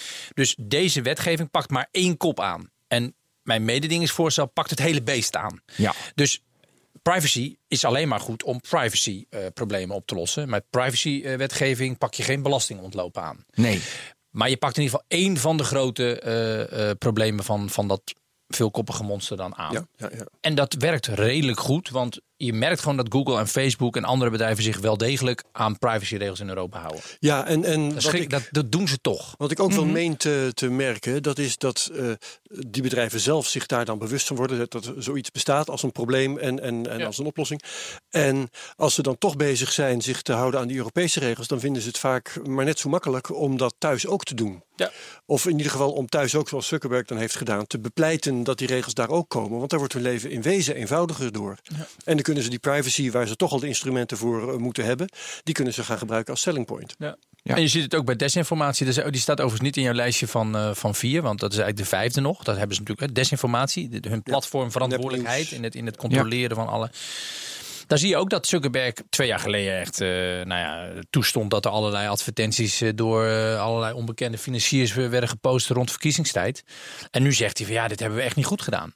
Dus, ja, maar hij verdient ook weinig aan politieke advertenties. Hè? Oké, okay, dus, dus hij, hij pakt ook hetgeen bewust... aan waar hij het makkelijkst kan zeggen. Ja, geef maar mijn regels. Dat, dat, klopt. Dat is natuurlijk heel makkelijk. Ja. Want ik zal even dat lijst wat ik net een beetje snel noemde. Want ik heb het nu voor me gepakt. Dus dat is door... Uh, door Ghostery, dat is zeg maar een tracker, dus die trekt ja, ja. zeg maar welke advertenties zijn, dat is ook hilarisch. vind ik altijd wat ik allemaal hoe ik uh, hoe, hoe ik word getrekt, maar dan zie je dus de AdTech vendors. Dus ja, Ghostery zorgt ervoor dat je niet wordt getrekt. Ja, ja precies, maar dan zie ja. ik rechts zie ik natuurlijk dus welke trackers allemaal worden geblokt. bij, die ja. probeert jou te tracken. Dat is altijd heel leuk om te zien. Inderdaad. En de, alle, de allerleukste vind ik dat uh, de, de New York Times die had een bericht van hoe schandalig Facebook nou jou trackt. Begrijp wel en, komt. Ja, en aan de rechterkant zag ik 14 trackers uh, zo oppoppen. Maar goed.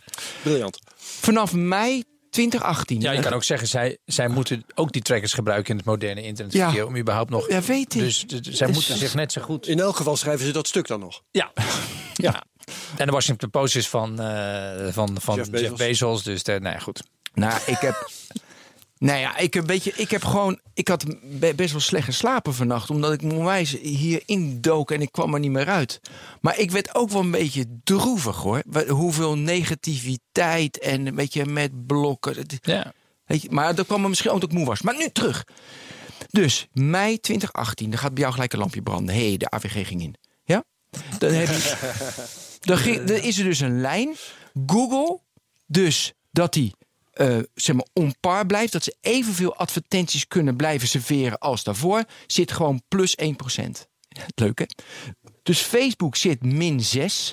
Dan de top 50 adverteerders, die zitten op min 20. De smalle advertisers, die zitten op min 25. En de smallest advertisers ja. zitten op min 35. Ja. Wauw. Dat is dus een, uh, dan, dan, dan, dit is dus wat je zou kunnen. Dit is een omgekeerde problematiek van verdienen en verdelen. Ja. He, dus we zijn altijd als land heel erg bezig om te verdienen. En vervolgens gaan we kijken hoe, hoe wordt de winst dan verdeeld. Nou, hier, hoe, hier, hier is de vraag hoe wordt het verlies door die wet verdeeld. Ja. En het wordt niet goed verdeeld. Nee. Daar ben ik met iedereen eens. Maar je kan ook zeggen, en dat is dan ook een beetje bij de politicus in mij, die zegt van we hebben in ieder geval voor gezorgd dat er minder uh, advertentie uh, over troep, uh, ja, troep en, en privacy-overtredingen zijn geweest. En dan is het helaas zo dat de, de grote jongens daar nog het minst last van hebben gehad. Ja. Want die zijn het handigst. Het is een symptoom van hun macht, precies weer. Hè? En dus komt, dat is dus een Dus je kan, je kan zeggen, de AVG is in ieder geval succesvol als je naar het totaalplaatje kijkt. Alleen we hebben de, de pijn die je eigenlijk ja. het liefst bij die grote jongens wil krijgen. Dat zegt ja. de hele Tweede Kamer ook voortdurend. Hè? AVG moet geen MKB-bedrijf of voetbalvereniging of kerkgenootschappen raken. Of kleinere start-ups ja. of, of leuke bedrijven die ook eens een keer... Nee, die moet, die moet die grote jongens. Daar slagen we dus nog niet in. Dat moeten we ook gewoon als politiek, politiek dan toegeven. Zover zijn we dus gewoon nog niet. Uh, water, ja, is goed. Ja, oké. Nou, die, eh, dus dat is die hele privacy. En eh, dus dat is niet voor de macht breken, maar wel Nee. eh, dat we minder... Dat mensen beter beschermd worden. Ja, en Maar ook wat die bewustwording was ook belangrijk, Even, heel even tussendoor hoor. Ja. Over dat verhaal van die patiëntendata van afgelopen week. Heb je dat gevolgd? Ja, Natuurlijk. of die- Daar heb jij gisteren heb jij digitaal over gemaakt. Ja, ik heb nog een Ik geluisterd. heb daar druk en over gemaakt. En mensen Ja. zeggen, ik krijg dan op Twitter allemaal reacties van mensen met nog veel meer digitale kennis dan wij met z'n drieën hier bij, Bij elkaar. elkaar, Mijn mooi. digitale kennis is echt niet zo groot. Ik ben veel meer degene die de impact ervan probeert te, te snappen. Ja. Ze zeggen allemaal, Kees, gewoon veilig versleuteld, cloud-technologie, Google, is niks aan de hand. Nou, ik denk dan niks aan de hand. Misschien is het de data wel veilig en pseudoniem of anoniem. Maar er is wel gewoon een verdienmodel wat, wat, wat ervoor zorgt dat er een bedrijf is wat heel veel geld verdient aan het centraliseren van allerlei patiëntendata uit ziekenhuizen en dat naar, naar Google verplaatsen. Als dat een verdienmodel is, wil ik weten dat dat er is. Ik wist het niet. Wist jij het? Dus ik maak me niet alleen maar druk om de techniek. Ik maak me ook druk om wat het voor mensen betekent. Maar de vraag was in eerste Ik vind dus instantie... die AVG, ja, ik ben dus heel benieuwd. Dat moet meneer Wolfsen van de Autoriteit Persoonsgegevens, die vandaag zijn jaarverslag uitbrengt overigens. Dus het is misschien ook leuk om hem Die een gaan keer... in de eh, show notes. Ja, ik heb, show notes. ik heb in de GDPR-podcast ik heb hem twee keer gehad. En dat was inderdaad prettig. ja, Aleid Wolfsen. Ja. ja. Maar jij wilde er iets over zeggen? Ik wil er ook nog iets over zeggen. Ja, nou de, de, de kwestie bij die ziekenhuis, die patiëntendata. Ja. ehm, die was gesuggereerd werd dat eh, eh, de- die data in de Google Cloud werden neergezet en dat dat een privacyprobleem was, want Google. De- En wat Michiel Steltman in BNR Digitaal is wezen uitleggen, dat is dat er wel een groot verschil is tussen eh, zoeken via Google en jezelf blootstellen aan de datahonger van Google aan de ene kant. En aan de andere kant, eh, als bedrijf een contract sluiten voor de private cloud van Ja. Google, wat gewoon eh, door Google beheerde opslagruimte is. Ja. En wat be- dat, waar encryptie bij te pas kan komen en waar Google dingen voor tekent, dat ze dat niet zullen doorzoeken en dit en dat. Ja. Dat is echt iets anders. Ja, het En is iets vond, anders. ik vond het wel een overtuigend verhaal, moet ik zeggen. Ja, dat is een technisch en rationeel heel overtuigd verhaal. Ja. Maar dat is hetzelfde als dat Facebook heel veel beloftes heeft gedaan over het niet koppelen van bepaalde data van bepaalde onderdelen van het bedrijf. Het is ook wel een beetje naïef om te zeggen, nou weet je, Google heeft aan de ene kant een superveilige, goed versleutelde eh, private cloud. En aan de andere kant een enorme honger naar data om eh, de grootste te blijven. Er kan ook best een keer een moment in de toekomst komen dat beide potten data toch bij elkaar gebracht gaan worden voor weer een nieuw verdienmodel. Waarvan we dan over twee jaar zeggen, nou Kees, die zag je niet aankomen. Dus dan zeg ik, ik heb iets meer wantrouwen. En ik vind naast de techniek, vind ik ook de, de schimmigheid waarmee het gebeurt, de onbekendheid van dit fenomeen. Op het gebied van patiëntendata wordt er dus blijkbaar heel veel geld verdiend. Ja. Vind ik Ja. toch niet lekker. Ja. Nou, ik vind, ik vind nogmaals. Of eh, misschien dat, het wel technisch eh, veilig is nu. Nou, Dat kan ja, Steltman. maar Steltman het weet is- veel van de infrastructuur van het internet. Dus hij Het zou gelijk een, kunnen het hebben. is ook een juridische kwestie. Hè? Eh, eh, er is een verschil tussen Facebook eh, dat belooft dat ze nooit de data van Instagram zullen delen met de data van Facebook. Ja. Dat is een belofte die ze kunnen breken. En aan de andere kant, eh, Google eh, dat jou een contract laat of ze- dat zelf een contract tekent waarin staat dat je patiëntendata beschermd zijn Ja. en, ge- En nou, stel ik hem, nou, ga ik, nou ga ik iets. Nou, en stel nou dat Google dat contract breekt. Ja. Wat dan? Wat is dan de straf voor Google? Want jij zegt, Ben, Nou, die jij zegt je kunt ze niet straffen, want Jawel, eh, nee, maar, nou, dat niet van de nee, maar markt dan weer, hebben ze eh, gewoon een contractbreuk. En dan, Dat, en is, dan? dat is een civiele Nou, en dan? zaak. En, ja, ja, en wat doen we dan? En wat doen we dan? Wat is dan de consequentie? nou, ze hadden 22 miljard. Gaan we dan die cloud afsluiten van Google? Mogen, o- mogen mensen dan niet meer? Want Ja. dan krijg je dezelfde mooi, vraag. Mooi. Mooi. Ja, nee, ik, ik ga mee. En ik zeg dan ergens, ja, Ja, nee, ik natuurlijk gaan we die cloud dan afsluiten. Ja, maar Kees, dat kan toch niet? Is gewoon een cloud, internet, wereld, vrij, open, eh, geen grenzen? Ik denk het wel. Ja, maar er is, omdat er alternatief is voor de cloud. Oké, terecht. Denk ik van, je dus, nou, snap je? Dus eigenlijk is het punt waar jij op The vastloopt je winner takes all. Ja, dat is jouw vastlopen. Ja, dat is mijn vastlopen. Maar nog heel even over die patiëntendata. Want eh, ik. eh, zeg maar, nee, maar midden in de nacht komt iemand bij de spoedeisende hulp. Het is gewoon een waar gebeurd verhaal. Weet je wel? En dan moet, die heeft een geschiedenis met patiëntdata. Ja, Maar ze ja. komen van een ander ziekenhuis. En de arts op de spoedeisende hulp, midden in de nacht. Ik heb het van de week gehoord, dit verhaal. Die komt niet bij Nee. de data. En dan moeten al die onderzoeken weer allemaal opnieuw worden gedaan. En ze weten helemaal niks van die patiënt. Jongens, jongens, toen dacht ik van wat zou het fijn zijn als het gewoon netjes in de cloud is opgeslagen. En Ja. de- Maar volgens mij is dat wel weer een andere kwestie Jawel, dan maar- die data waar we het nu over hadden. Want dat was niet het elektronisch patiëntendossier Nee, wat klopt. jij nu bedoelt. ja, maar ja, Maar zelfs tegen het EPD, ondanks dit voorbeeld voelt, is heel veel weerstand geweest. ja, weet ik. Ondanks het feit dat Ja. iedereen snapt dat het overal kunnen raadplegen van iemands eh, gezondheidshistorie. Ja. Dat. Dat zou fantastisch zijn natuurlijk. Hè? Stel nou dat van Ja, maar als dat- jij, als jij chronisch ziek bent, moet je drie keer nadenken of je het wel wil. Een elektronisch patiëntendossier. Is het zo? Ja, natuurlijk. Want Nou, omdat je namelijk uiteindelijk alles wat digitaal is, alles wat jij mailt, alles wat je zegt, komt uiteindelijk is de kans dat het openbaar wordt. Ja. Alles wat je doet. Ja. of je moet in een bos waar weet je zeker ja. weten. Maar alles wat je doet is openbaar. Alles wat in de cloud staat, dat kan openbaar. Het kan gehackt worden, het kan Ja. altijd openbaar komen.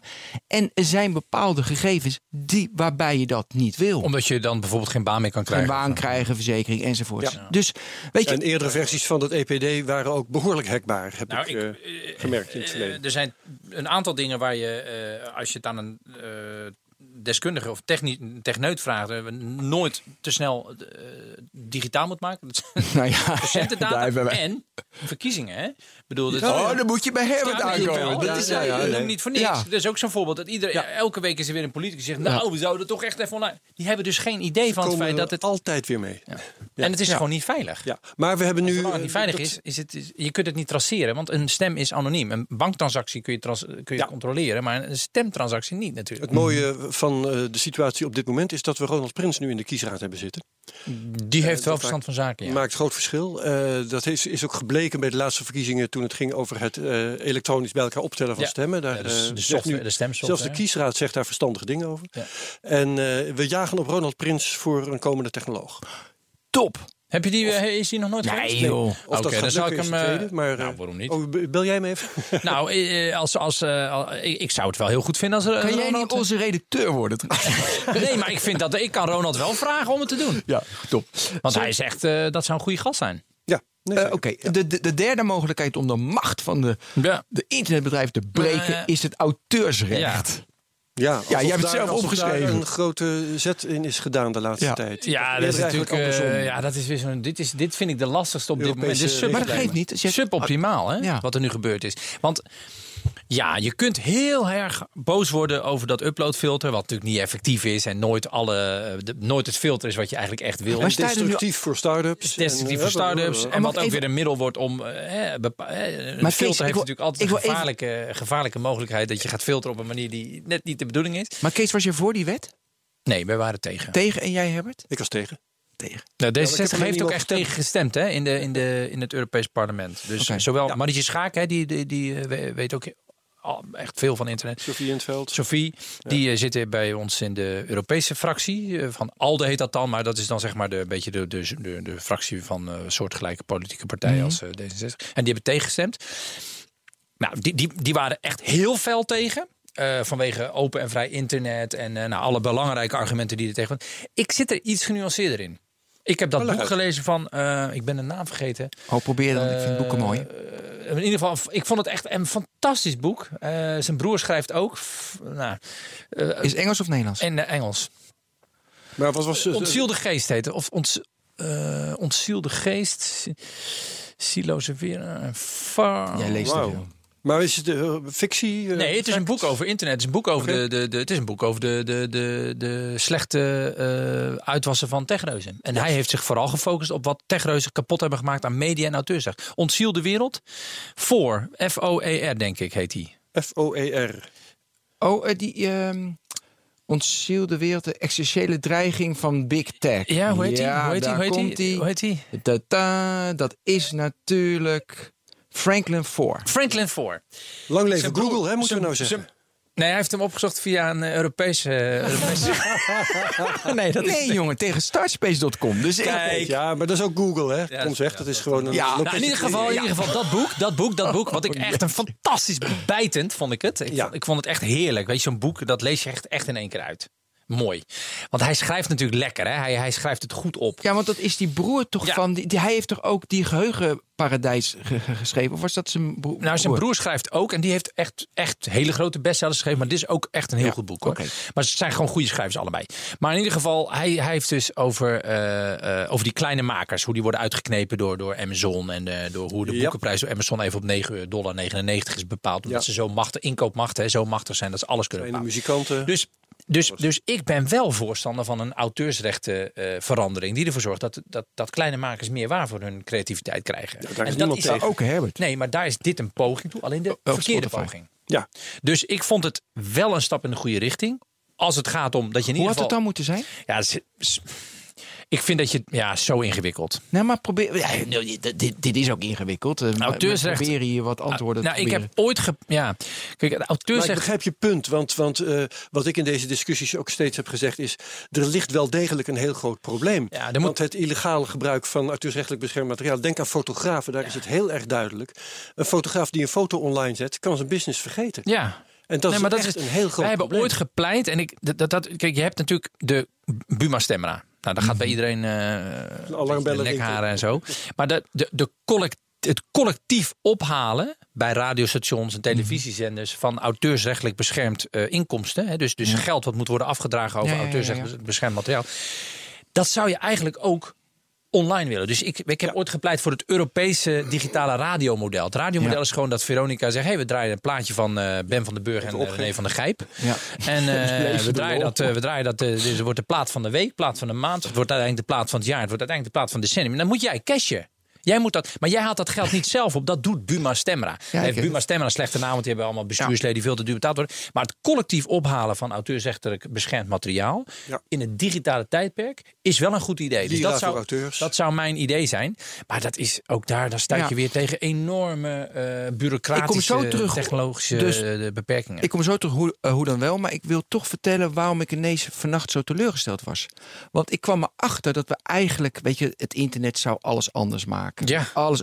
En we zitten alle. We zitten in hetzelfde je, alles wordt weer hetzelfde. Het wordt gereguleerd en eh, de auteursrechten, we moeten voor betalen. Logisch Mag voor allemaal. grote bedrijven. Mag voor grote bedrijven. Weet je, we zitten eigenlijk nu in een, in, in een cyclus van nou, alles is precies hetzelfde. En het is heel erg leuk dat je denkt van, hé, hey, je hebt geleefd en je draagt echt bij aan een andere wereld. Maar als mijn kleinkind zegt, ja, precies hetzelfde. nee, dat klopt. Ja, je hebt een beetje ge- geprobeerd het anders Ja, te nee, maken. maar dat is eigenlijk wat Hetzelfde Franklin Foer ook zegt. De belofte, de grote belofte van het internet. eh, met al die opstanden, digitale opstanden tegen regimes in, eh, in, in Egypte en in die landen. Hè. De, de, lente, de, de Arabische lente zou gefaciliteerd worden door de directe contacten tussen Ja. allemaal mensen die elkaar vonden, gelijkgestemden. eh klokkenluiders die, die, die problemen konden aankaarten. Iedereen heeft zijn eigen podium om iets te publiceren. Je bent niet meer afhankelijk van tussenspelers. Nou, we hebben, de, we hebben de intermediairs en de tussenpersonen eruit gehaald. Maar dat zijn nu de, de, de, de machtige techreuzen geworden. ja, maar dan kom ik direct, want nu denk ik... Dus hey, inderdaad, ik snap je ja, teleurstelling. ja, maar ik zag de, die, eh, die, die documentaire, moet je allemaal kijken op Netflix, The Curve, nog iets over de Flat Earth. Dat de aarde, weet je, hoe plat is. Ja. Echt de moeite waard. Waarom? Je ziet mensen denken, de aarde is plat. En dan kom je op, weet je, kom je allemaal gelijkgestemden tegen. Ja, Ja, want je kan ja. je als een, nou, kom je gelijkgestemden tegen. En ze krijgen weer dezelfde mechanisme als een normale sociale gemeenschap. Dat ze weer ruzie gaan maken. En dat ze weer eh, machtspelletjes gaan hebben. En dan gaan ze onderzoeken of de aarde ook echt plat is. Dat vind ik wel leuk. Dat is al jaren gedaan. Maar dan gaan die, die flat earthers gaan dat ook doen. Dus wat natuurlijk wel anders is, is natuurlijk vaccinaties. Dat is onzin. Eh, weet je, of zeg maar Waarom? flat earthers. Nee, maar dat er dus groepen mensen ons Ja. kunnen Oh, ontstaan. ja, ja. Waarbij je een mening naar buiten brengt.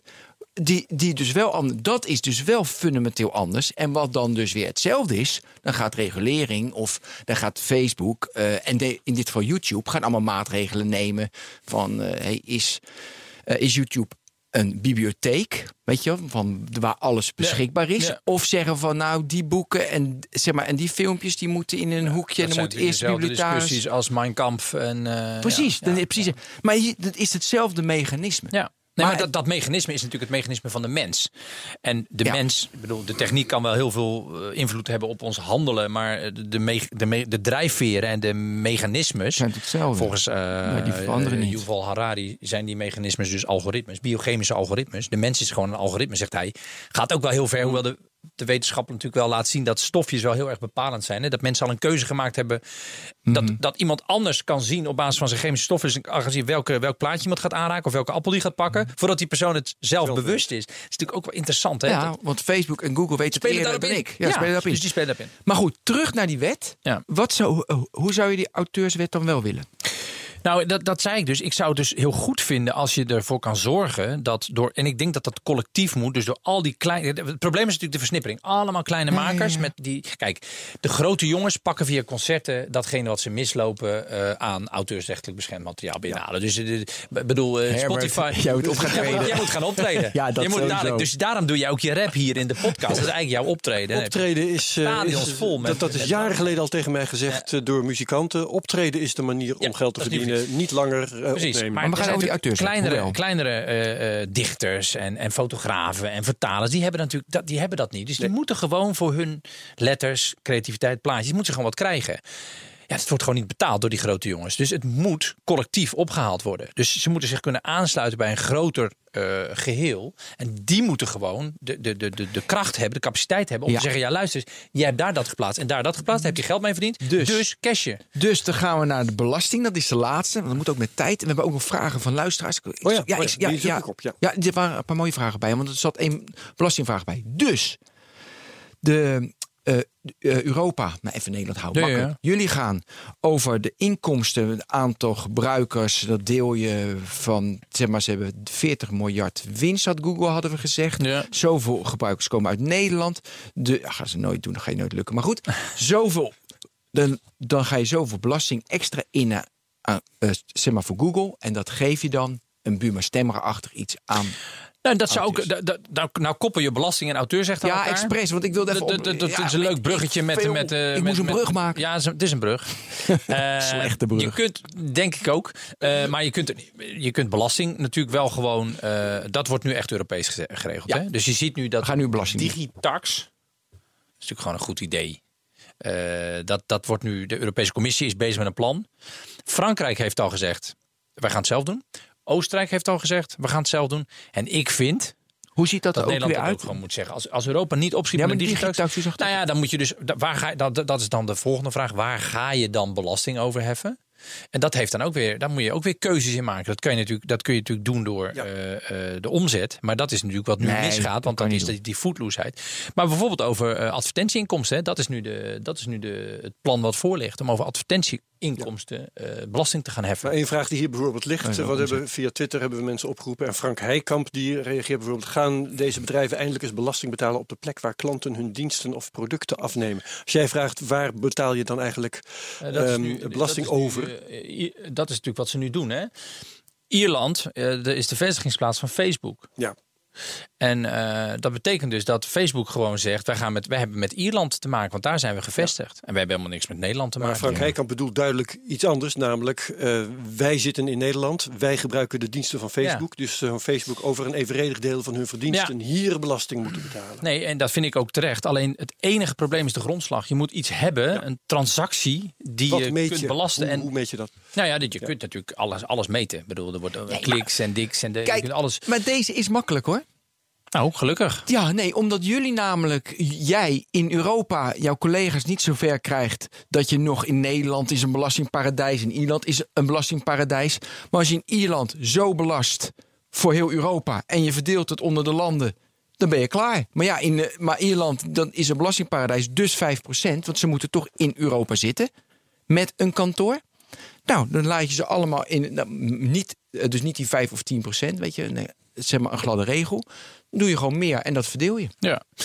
Nou ja, het is grappig dat je dat zegt. Want er zijn steeds meer mensen die eigenlijk zeggen van nou, eh, er zijn heel veel mensen die zeggen ja, eh, eh, Europese belasting moet je nooit doen. Hè, er zijn heel veel mensen die zeggen dan gelijk, oh, blauw envelop met eh, gele sterren van de Europese Unie, daar moet je nooit aan beginnen. Nou, ik denk, sluizen, dan weet ik veel. we betalen, we, ja precies, nou, we betalen nu als landen allemaal geld aan Europa. Ja. Eh, dus je kan net zo goed als Europa zeggen, nou wij, wij innen gewoon belasting bij, die, eh, bij, bij al die eh, techbedrijven met hun transacties. En dat gaat gewoon af van de, van de bijdrage die landen moeten betalen. Dan zijn dus burgers goedkoop uit en dan worden die tech, te- techreuzen eigenlijk belast. Dus ik vind het niet zo'n gek idee. Alleen je moet wel even zorgen van hoe gaan we, wat gaan we nou precies belasten? Want dat is natuurlijk altijd het lastige. Wat is de transactie? Snap je?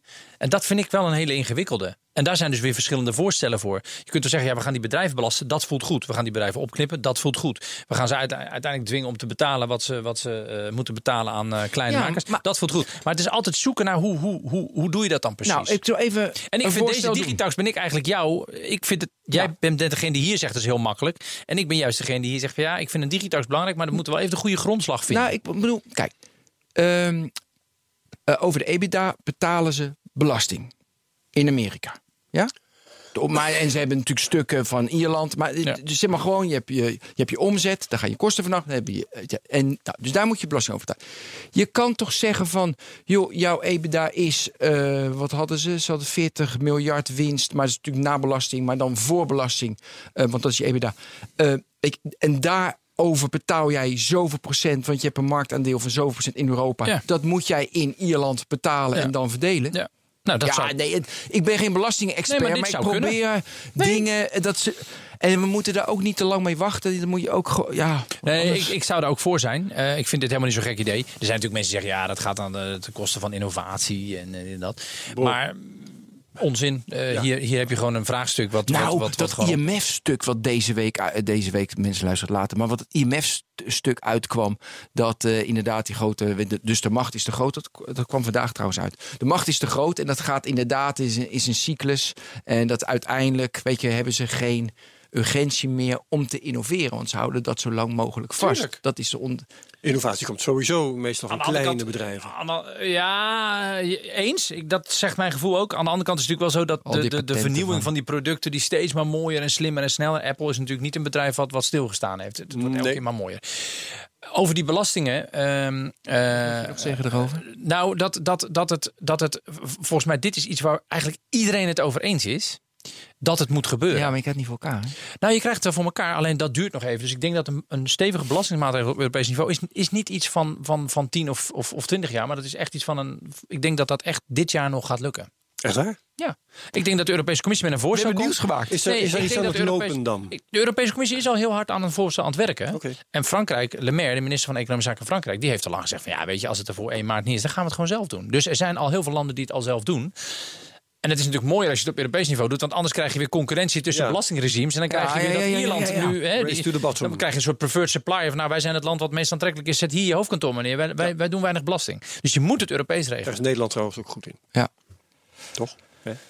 Oké. Ja. Belastingparadijs. Nederland. Ehm, Bono, eh, Ja, bijvoorbeeld. Ja, Rolling Stones, die eh, dat type over auteursrechten dat soort types. Oké, hebben we het nog iets? Eh, ja, want eh, er waren nog een paar meer vragen. Eh Mathieu Paapst die vraagt nog... door de wet Markt en Overheid mogen Nederlandse overheden... hun eigen software niet open source beschikbaar stellen. Ik heb ook wel eens gehoord dat ze dat juist wel moesten. Mede hierdoor blijft afhankelijkheid techreuzen in stand. Wat wil Kees Verhoeven hieraan veranderen? Nou ja, eh, open source zoveel mogelijk. Eigenlijk eh, altijd open source, hebben we gezegd. Behalve als er echt een hele zware regende reden is om het niet te doen. Maar die moet dan wel echt goed onderbouwd zijn. Dus, maar dat eh, wil niet echt van de grond komen. Hè? Dat is nou, Nou, 15 jaar zo. Ja, nou, de- we hebben nu een staatssecretaris. Eh, sorry, motie Vendrik. Vendrik, ja. Ja. We hebben nu een staatssecretaris Knops. Die is wel een groot voorstander van open source en die zet daar wel stappen. Ik heb de overheid wel eens langzamer zien lopen op iets wat ik belangrijk vind. Dus ik Ja. vind open source, dat is, wel, dat is nu wel redelijk gemeengoed aan het worden. Ook omdat het de afhankelijkheid niet alleen van die techreus, maar ook de afhankelijkheid van die grote eh En de ICT-softwarebedrijven. Invocaders van deze wereld. Ja. Ja, en, eh, ja. Dus volgens jou gaat dat eigenlijk al beter dan Mathieu Paapst denkt. Eh, nou, ik, ik weet wel, ik denk dat Mathieu Paapst vindt dat ik daar nog te licht over denk. Maar ik vind, dat, het, ik vind dat er nu wel serieus stappen gezet worden op open source. Oké, Ja. nou, dan is dat eh, genoteerd. En dan eh, heb ik er nog eentje van dezelfde Frank Heikamp die ik eerder noemde. Op welke manier krijgen wij als gewone stervelingen de controle over onze eigen gegevens? Alle data, die, alle data die we genereren wanneer we ons online bewegen. Swipen, likes uitdelen, enquêtes invullen en reacties plaatsen. Al die dingen Ja. wil hij zelf kunnen beheren en niet Ja, dat is natuurlijk eh, dat is wat eh, Tim Berners-Lee ook zegt. Hè? De, solid. Ja, ja, ja, precies. Dat initiatief. Hij is, de, hij is natuurlijk een van de internet... Uitvinder van het web is nu bezig met een Ja. nieuw project Ja. dat inderdaad gebruikt. Er zijn trouwens meer projecten. Ja, want ja, we hebben ja. Marcel van Gaarle ook gehad met Key. Ja. Er zijn verschillende projecten. maar die Tim Berners-Lee is Berners-Lee wel, heeft denk ik wel is, iets is- meer is wel, die zegt eigenlijk van data moet je gewoon helemaal, eh, moet helemaal Zelf. van de mensen. Maar dan moeten jullie Het toch... probleem daarbij is wel dat je eh, al die mensen die hun data zelf willen gaan beheren, zouden moeten gaan beheren, die moeten ook daar ook de vaardigheden voor hebben. En die hebben ze vaak niet. Dat is ook, dat is ook absoluut waar. Kijk, wij- ik heb ooit zelf eh, in de Tweede Kamer voorgesteld om alle data die je als eh, burger bij de overheid moet neerzetten. Heb ik samen met Jan Middendorp van de VVD. Hadden we digitale kluis. Dat iedereen een, Ja. een eigen Ja, ja, ja, digitale ja. kluis. En dat je dus daar gewoon zelf eh, je, je data inzet. En dat jij degene bent die zorgt dat die data op orde is. En dat de overheid daar die data vandaan had. In plaats van andersom dat jij de hele tijd bij de overheid je data aan het opzoeken bent. Ja. Nou, dat, is, het- dat geldt natuurlijk uiteindelijk voor alle data. Eigenlijk moet gewoon al je data van jezelf zijn. Ja. Dat is het mooiste. Dat, is een, dat kun je in zeggen. Alle data moet van jezelf zijn. Maar dan, hè, dan, dan moet je mensen echt cursussen gaan van, eh, hoe ga je met, met daarmee om? Hoe maak je daar de juiste keuzes in? Hoe, hoe wil je niet dat mensen weer zwichten voor allerlei dataverdienmodellen en bijna hun, hun ziel verkopen? Nou, dus er zitten heel veel. eh, maar Tim Berners-Lee zegt wel van ja, je moet mensen veel meer grip op hun data geven. Nou, in, in China is, is data van de overheid. Ik bedoel, daar ben je als mens heb je, al- daar ben je Ja. een sociaal kredietsysteem. Hè? Je kent het, hè? Dan Ja, moet je gewoon ja, ja, zoveel punten ja. hebben voor een woning. En dit. Verschrikkelijk. Daar ben je gewoon, daar ben je gewoon een nummer. Daar ben je echt letterlijk een nummer in China. In, in de Verenigde Staten zijn data van bedrijven. En we willen in Europa dat data van mensen zijn. Ja. En dat doen we met de AVG. En dat zou je dus nog wat ja, verder kunnen uitbouwen. Vind ik wel een hele mooie afsluiting. Oh, nou dan houden we nu op. Nee, maar ja, we zitten op 1 minuut 4, Herbert. Ik had de klok niet in de gaten gehouden. Ja, nee, maar ja, ik kan ook over data weer doorgaan. Maar Nee, dan laten we het hierbij. Ehm ja, weet ja, zeker? op een of andere manier voelt het niet Nee. af, hè? Heb je daar ook last van? Ja, ja, Dat dat heb ik ook last van. jongen, nee, is- maar dit heet een open nee, einde, hè? Nee, is ja, nee, maar is- bijvoorbeeld met die Dit is- data. hè. Dit is Ik het neem idee nu van, heel... een, van een boek met een open einde. Dat je het gevoel hebt, als je, dat heb ik wel eens geleerd. Als je bij een vergadering bent en je denkt, Ja. shit, de vergadering. Meestal denk je bij een vergadering, nou, hè, hè, zijn we we zijn er eindelijk klaar, weet je wel. Ik zal niet zeggen dat het bij de fractievergadering van D66 zo is. Maar ik heb vaak, ik, ik, ik heb het woord vergaderpijn eh, wel eens. Ja. eh, ik ga daar ooit een boek over schrijven, over vergaderpijn. Nee, dat is zonde van je energie. Je moet, het, je moet bij tech houden. Oké, techvreugde ga ik het dan doen. Maar in ieder geval, hier heb je, ik heb nu niet het gevoel van, nou, ik ben blij dat we aan het eind zijn. Nee, dus dat, dat is volgens mij goed. Dat is goed. Dat is Oké. zeker goed. Oké, eh, bedankt allemaal. ja, Eh, ik, ik noteer nog één ding. Oh. Volgens mij is Kees, moet jij, eh, als jij weet of het, dat het anders is, Ben, dan moet je het zeggen. Volgens mij is Kees de, de eerste die hier voor de derde keer is. Had ik eigenlijk aan het begin moeten zeggen. Ja, de derde keer. Eh, dat wou ik gewoon nog even kwijt, want Ja. anders dan Nou, dan is dat ze- niet vastgesteld. Nee, heel en op een goed. vergadering als deze moet dat toch gewoon gebeuren. Dit was hem. Dank u wel. Tot de volgende technologie. Jo.